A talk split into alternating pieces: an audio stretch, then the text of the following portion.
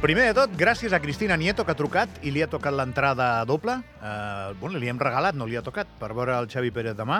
Gràcies per escoltar-nos, Cristina, i que t'ho passis molt bé bé en el Xavi Pérez. Jo m'ho passaré ara bomba, parlant 8 minuts amb Cés San Juan. Cés, què tal? Què tal, tot bé? bé. Cés San Juan, live, uh, ara és que, mateix. Perdona, és que estava enviant un missatge al, al Joan i pensava que em em anava a dir alguna cosa del Tyson Pérez, però no, no, no, no era el cas. A Joan López, És, sí, és que el tenim a la roda de premsa del bàsquet. a del Moravant, que juga diumenge a Vitoria, no? Sí. Sí, però comencem pel futbol, que juga avui, no? Què et Exacte. sembla? Sí, sí. Avui, home, és un partit important, tots ho són, al final és una lliga, però és la primera vegada que l'Andorra afronta un partit començant el partit estant en zona de descens, per tant hi ha una urgència diferent a totes les prèvies. El camp és difícil, eh, hi haurà moltíssima gent, el Saragossa és un històric, i tampoc va tan bé, és a dir, el Saragossa no està per deixar-se punts. Com veiem el partit d'avui, com l'analitzes? Ara és matemàtic, eh, el que dius tu, perquè la veritat és que hem estat flir- flirtejant amb aquestes posicions de descens durant molt temps i la veritat és que tampoc és tan diferent, jo penso, a... però clar, està clar que ara estem allà, encara que siguem empatats a punts amb, amb l'Osca, que per cert serà un rival proper, eh, no és el millor escenari, està clar, per eh, S'ha de saber jugar, estan aquí.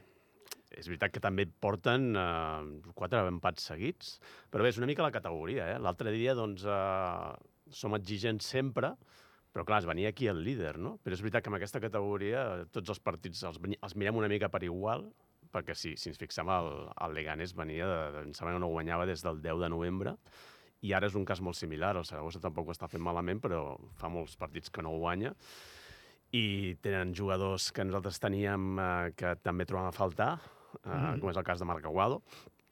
I jo crec que no està un mal moment a l'Andorra. Eder Saràbia va tornar a tibar de les orelles als jugadors. Jo no sé això si acaba passant factura o no als vestidors o no. Veurem quina és la reacció de l'equip, no? Ell, ell suposo que busca això, no? Que...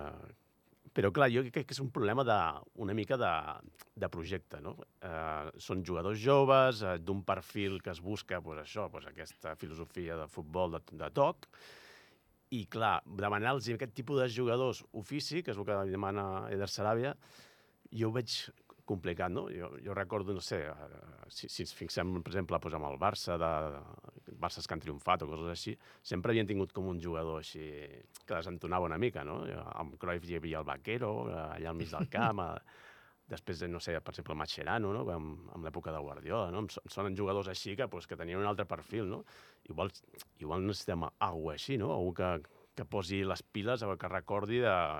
que es, es queixava sobretot Eder Saràbia l'altre dia que eh, vam aconseguir ficar-nos per davant dues vegades i clar, Però a què t'estàs referint? A la capacitat per llegir el partit i per fer el que toca en cada moment o a una mica més d'agressivitat?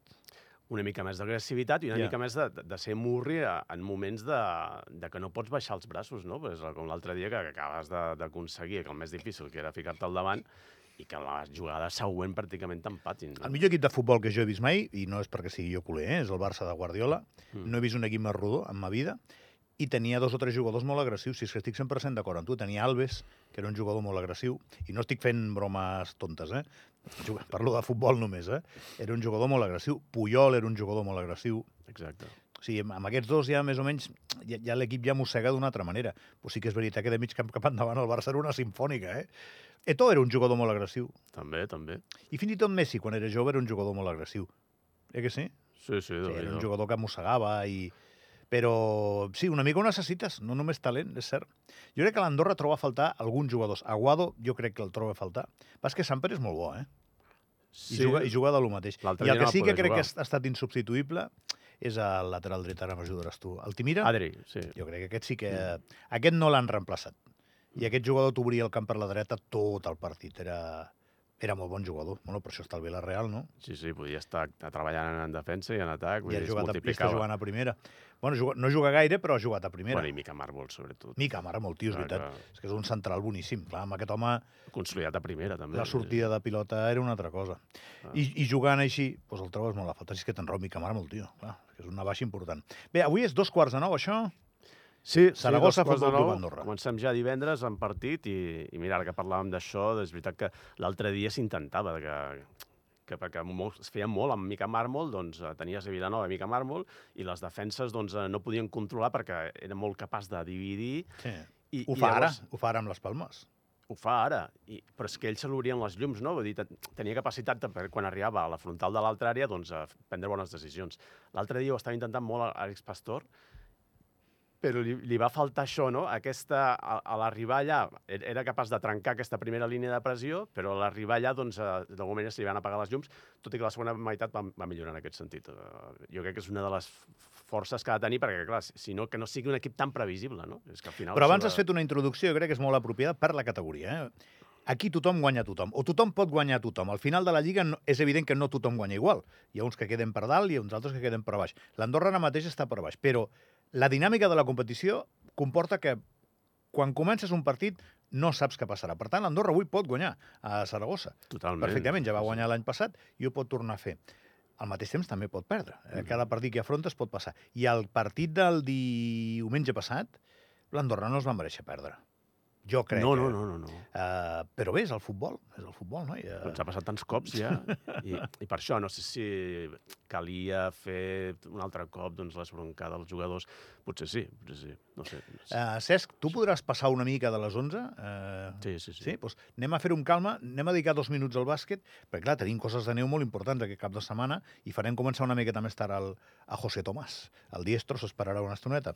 Eh, el bàsquet juga, el Morabanc juga diumenge a Vitoria a les 5, és així?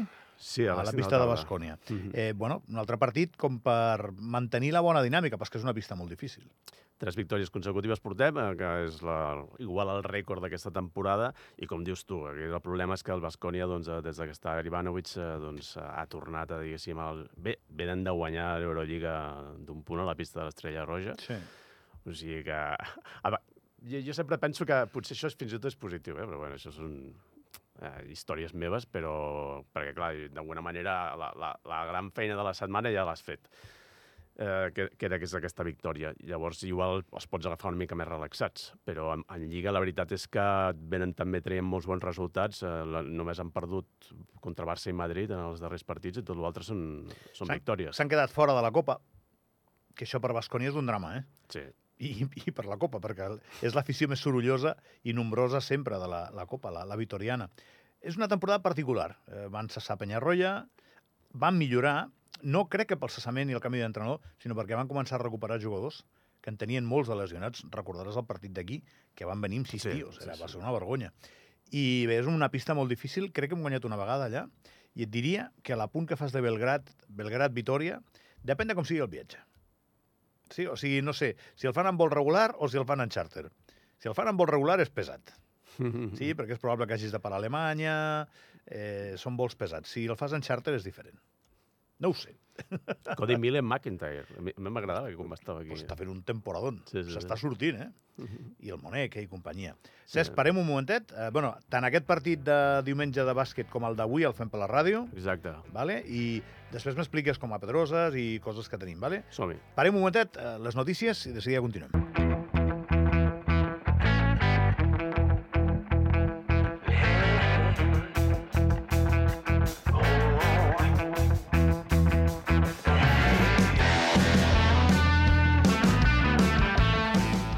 Aquí retingut i segrestat a Cesc Sant Juan i ha d'anar a treballar, que si no, no farem els esports de l'informatiu.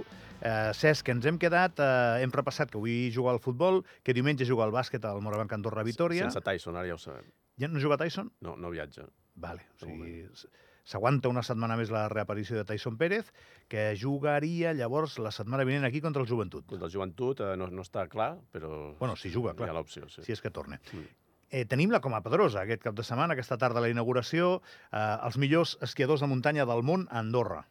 Sí, sí, eh, una de les grans cites, sens dubte, de la temporada pels amants de la neu, tot i que, com deia ara el Josep Tomàs, doncs, eh, estem una mica tips ja d'aquestes expectatives que es rebaixen tant, ara que també estan, diguéssim, eh, eh, de tothom, no?, les previsions meteorològiques. Eh, estan, tothom, tothom les toca ara, no? I, i la veritat és que és, és una llàstima, és que tenim una temporada realment molt dolenta.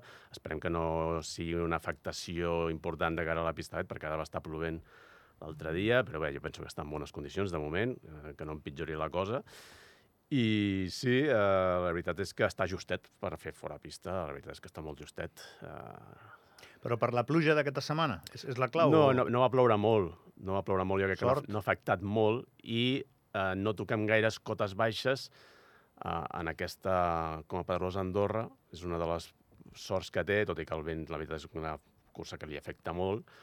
Estic parlant de la prova individual perquè l'altra no té cap dificultat, però la prova individual, clar, eh, has d'entrar a la vall del Coma Pedrosa, al pic de Sant Fons, a Pinto Coma Pedrosa, evidentment no hi hem pujat mai perquè és molt complicat, i, i aquest any la veritat és que tampoc es donen les millors condicions. Uh, aquesta gent baixa recta, o sigui, llocs que tu igual faries 100, 100 revolts, no?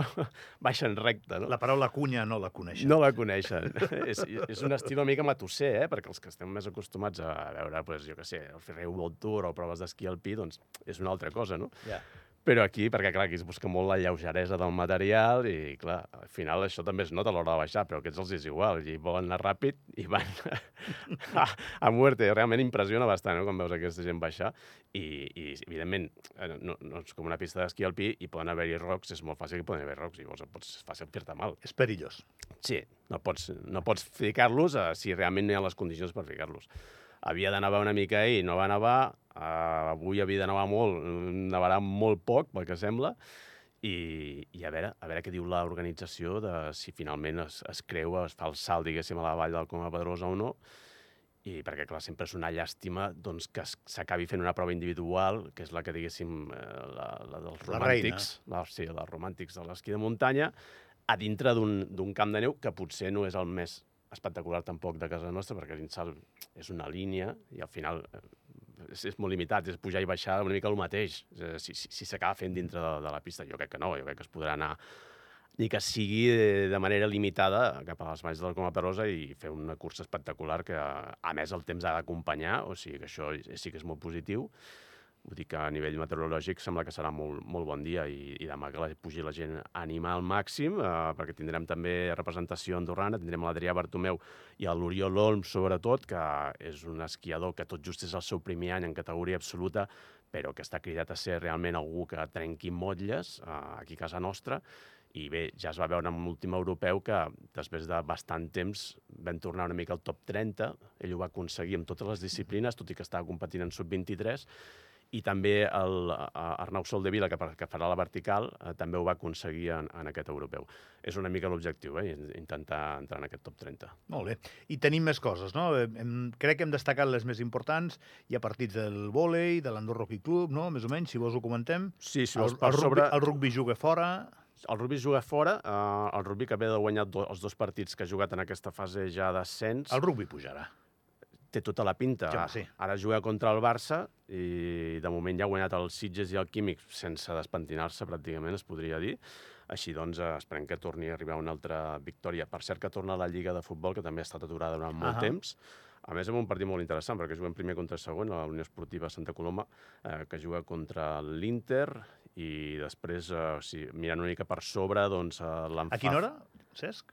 El, la, el partit aquest de primer contra segon, no t'estic matant, dir. ho buscaré, no, no pateixis. És diumenge, però no, no et sabria dir l'hora ara mateix. Uh, di, ràpidament, a veure, doncs l'Anfaf, els dos juguen. Uh, L'Anfaf que porta una mala ratxa del de futbol sala, són novens ara mateix i juguen contra l'Esparreguera, ho fan a casa, això serà dissabte a les 5 de la tarda, i el diumenge jugarà l'equip femení a dos quarts d'una contra el Prat, l'Anfaf que són terceres, el Prat que són uh, cinquenes. Unió Esportiva Santa Coloma Inter d'Escaldes, diumenge a les 11 del matí doncs això, un partit interessant, sens dubte, sí. després de tant temps de, sense tenir lliga. El Club Volei en camp eh, femení, que jugarà, són terceres i jugant contra el líder. Eh, els dos partits també són força interessants a, a la pista del, del líder juguen, eh, perquè juguen contra equips punters. L'equip masculí són primers, però juguen contra l'Espanyol, contra l'Espanyol que, és, que és segon i també l'Andorra Hockey Club, que jugarà contra el Mollet a dos quarts de vuit de la tarda. Això serà el dissabte. Recordem que l'Andorra Hockey Club també ho està fent força bé. Eh, són tercers a la classificació. I deixa'm dir alguna cosa més d'esquí. Ah, sí? sí. Uh, tenim Kisbuchel aquest, aquest, uh, ah. aquest cap de setmana, que és com la, el descens de l'Estir, no sé com, com alguna així es diu. Bueno, és el descens més important del món, no? El, el més famós del món, sí? sí, sí, que portem per una motxilla de, de lesionats il·lustres molt bèstia. De fet, a Joan Verdú, amb aquesta aturada que ha fet, gairebé li ha sortit positiu, o sigui, gairebé ha guanyat posicions, sí, sí, en la World, Cup Star List, que és tan important, el tema dels dorsals, ja hem parlat aquí, Uh, està, es manté tretzè, que és la posició que tenia abans de la lesió, a part s'ha denominat a del Boden, però és que, clar, s'ha lesionat uh, Kilde, Svars, Pinturó, tots aquests s'han lesionat per poder fer proves de, de velocitat. I, i, i, ara, I ara ve a Kitzbühel, que és la, la més perillosa. I a banda d'això, eh, tindrem a Kitzbühel, perquè a banda de fer les proves de velocitat, es fa un slalom a Kitzbühel. I tindrem a l'Àxel Esteve, que ho està fent molt bé. I tant.